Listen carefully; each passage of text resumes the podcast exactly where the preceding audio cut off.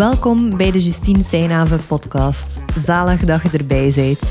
Met deze podcast help ik groeiende en ambitieuze ondernemers om premium klanten aan te trekken en om zo hun omzet en vrije tijd minstens te gaan verdrievoudigen.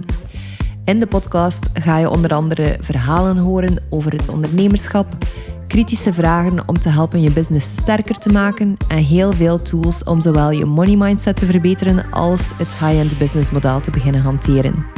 Welkom dus en veel luisterplezier.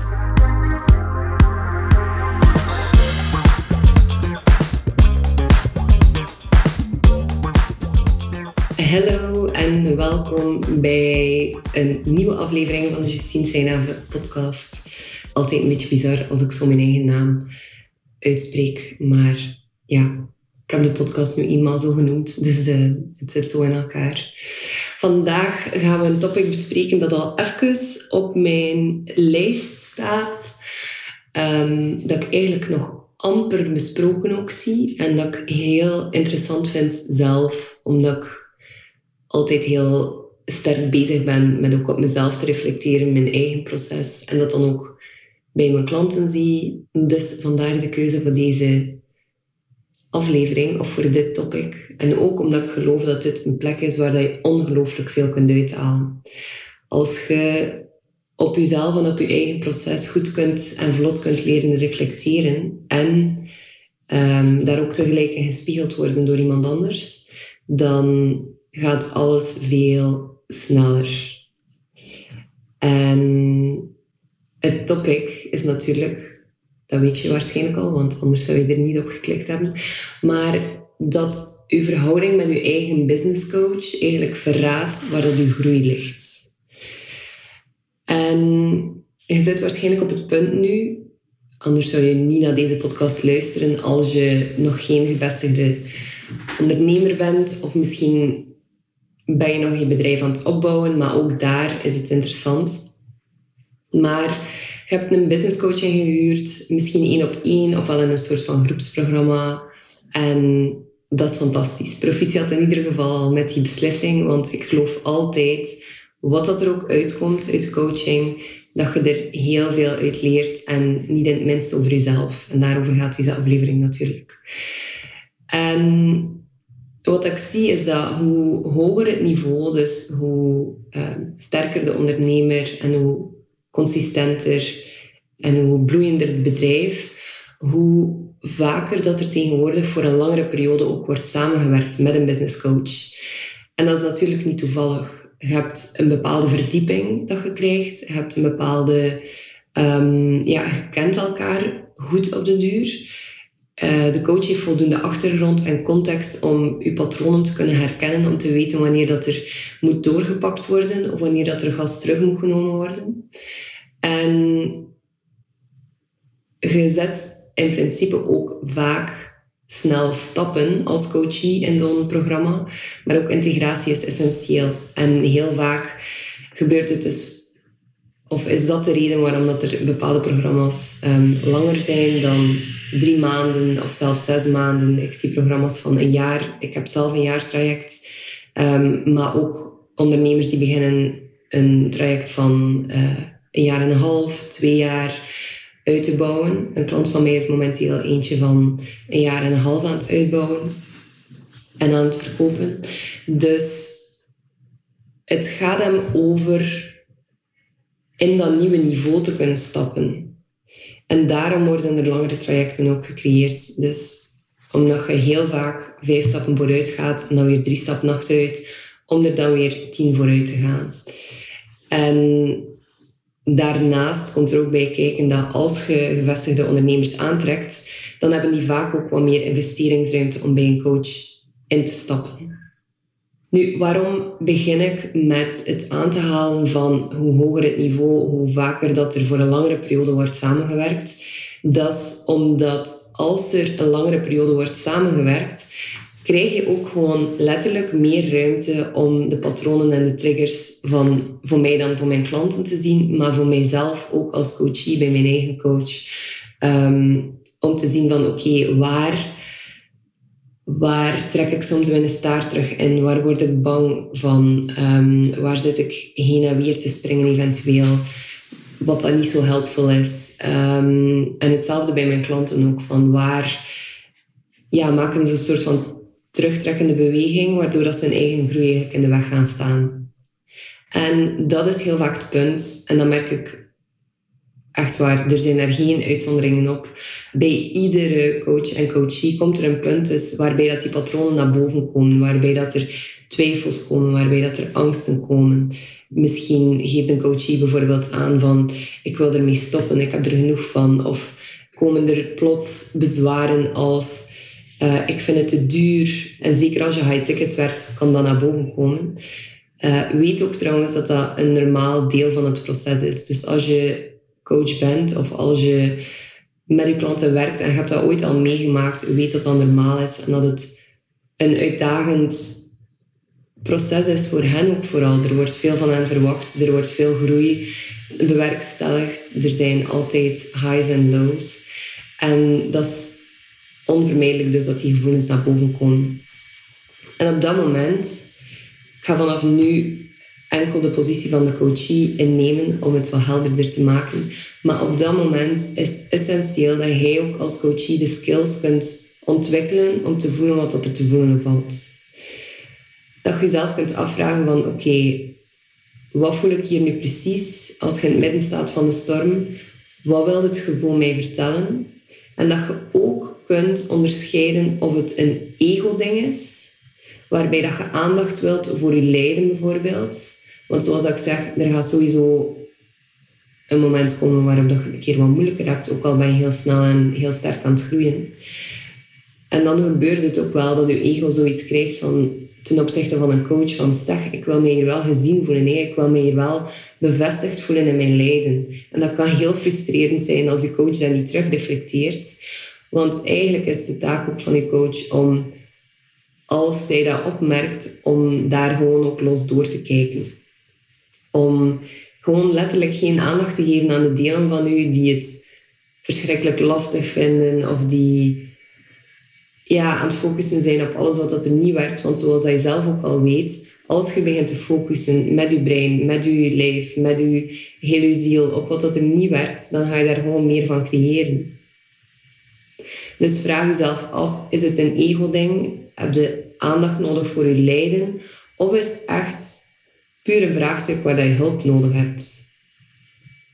En ik zie heel vaak coaches, tussen aanhalingstekens bijna, die in het ego-ding of in het lijden heel sterk meegaan en die daarop gaan gaan coachen. Of misschien zelfs niet eens per se coachen, maar die mee helemaal de diepte ingaan. Waar dat er op zich ook weinig verkeerd mee is, behalve opnieuw dat als je daarop focust, dat dat gewoon verder vergroot. Als coach is het ook je taak natuurlijk om ehm, de grootheid van je klant te kunnen zien, de visie van je klant te kunnen zien, dat de context te kunnen opentrekken over alles wat dan mogelijk is voor hen. Ik ben weer aan het switchen van coachie naar coach, maar ehm, de twee rollen zijn zodanig natuurlijk voor mij dat ik daar heel makkelijk tussen schuif. Dus hopelijk is het helder voor u. Moest het niet zo zijn, stuur mij gerust een DM op Instagram. Maar wat ik dus zie gebeuren bij heel dat proces van voelen wat er te voelen valt, ontcijferen wat dat uw emotie u wil vertellen en u afvragen van is het een ego-ding of heb ik gewoon effectief een vraagstuk. Heel veel ondernemers blijven bij het punt voor het doorvoelen steken. Waarbij wat er dan gebeurt is, je voelt discomfort, je voelt dat er iets ongemakkelijk is en je brein probeert het te verklaren. Dus wat er gebeurt is dat ze um, hun eigen blokkades gaan beginnen verantwoorden. Bijvoorbeeld in een soort van ja-maar mentaliteit terechtkomen. Je coach zegt bijvoorbeeld van hey, je zou dit of dit kunnen doen en hij komt iedere keer af met ja, maar voor mij werkt dat toch niet, of dat is toch anders voor mij. Dat is letterlijk achter je brein die separation probeert te creëren. Want eigenlijk, als je vanuit een spiritueel standpunt kijkt, iedereen is één, of alles is één. Wat dat er dus voor zorgt dat jij eigenlijk ook toegang hebt altijd tot dat grotere deel van jezelf dat zich kan reflecteren in je bedrijf. En bij ja maar gedachten zitten we dus echt in het ego-stuk dat u probeert af te sluiten van die kennis, van die wijsheid, van die connectie met andere ondernemers, van die inspiratie dat je kunt voelen, van de kracht dat je in jezelf kunt voelen om uit te bouwen wat dat je wilt uit te bouwen. Dus dat is een van de voorbeelden. Wat dat ook soms gebeurt, is andere mensen schuld geven. In een soort van blaming mentaliteit terechtkomen. En dat kan niet alleen zijn op je coach, maar ook op je partner bijvoorbeeld. Dat kan gewoon bevestiging naar jezelf toe zijn van waarom dat bepaalde doelen niet voor je zijn weggelegd. Dus wees bewust van je gedachten daar rond. Eigenlijk komt alles, alles altijd neer op bewustzijn. Dat is zo mooi. Sommige mensen zeggen alles is perceptie. Ik zeg alles is bewustzijn.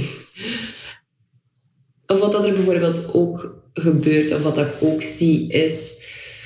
Er gebeurt een verandering bij je coach en hij begint daardoor te wankelen. Misschien gaat ze van um, een groepscoaching naar één-op-één coaching of omgekeerd. Misschien waren er bepaalde verwachtingen die nog niet ingelost zijn. En dan zitten we daarmee en dan pakken we dat vast en dan draait dat in ons hoofd. Geraakt dat niet tot in de diepere vezels van je lijf en van je ziel. En houden we het ook heel vaak voor onszelf. Zeker onze noorderburen zijn daar wat beter in. Um, maar in Vlaanderen zie ik dat heel vaak, dat er heel veel gewoon niet uitgesproken wordt. En ik geef er nu natuurlijk aan in het proces dat ik daarnet besprak van wat is het gevoel, wat wil het mij vertellen en is het een ego-ding of is het een puur vraagstuk waar ik hulp bij nodig heb. Het, het ding is niet dat je alles zelf oplost. Het is niet de bedoeling ook dat je alles zelf oplost. Maar het is ook niet de bedoeling dat je in pure paniek je coach ergens bijsleurt.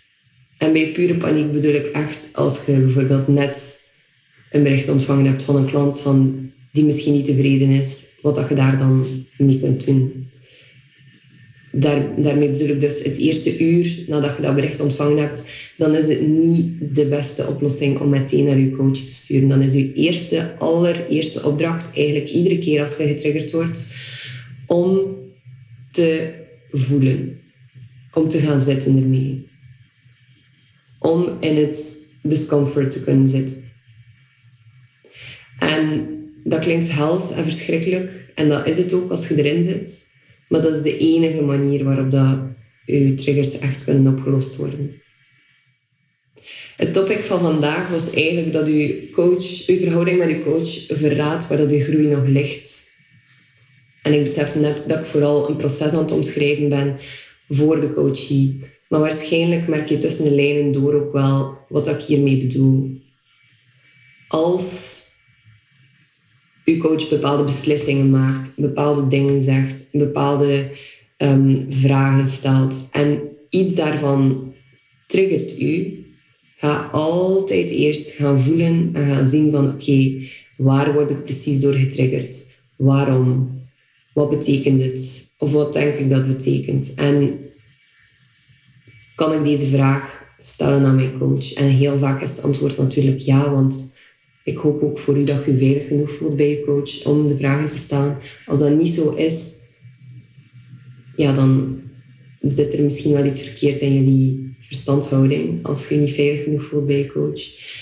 Maar ehm, probeer dat als proces aan te houden en probeer daar te zien waar dat je groei zit. Er is een reden bijvoorbeeld. Ik ga proberen een voorbeeldje te zoeken uit mijn eigen ervaring. Een van de gedachten dat ik bijvoorbeeld vaak heb als het gaat over mijn eigen coach, is dat ik naar haar kijk en denk van, ja, voor u is het gemakkelijk. Jij zijt er al. En wat zegt dat over mij? Dat zegt dat ik onbewust nog geloof dat het lastig moet zijn al. Dat zegt ook dat ik heel veel autoriteit ook nog bij haar leg. Dat zegt ook dat ik op dat moment meer geloof in mijn blokkade dan in mijn kracht als ondernemer. Dus er zit daar van, van alles onder. Maar je moet het bewustzijn kunnen en willen cultiveren om daarmee om te gaan en om dat te kunnen zien. Want het is pas als je het ziet dat je er iets kunt mee doen. Het is pas als je het ziet dat je het ook kunt accepteren. En daar is waar dat alles verandert, in acceptatie.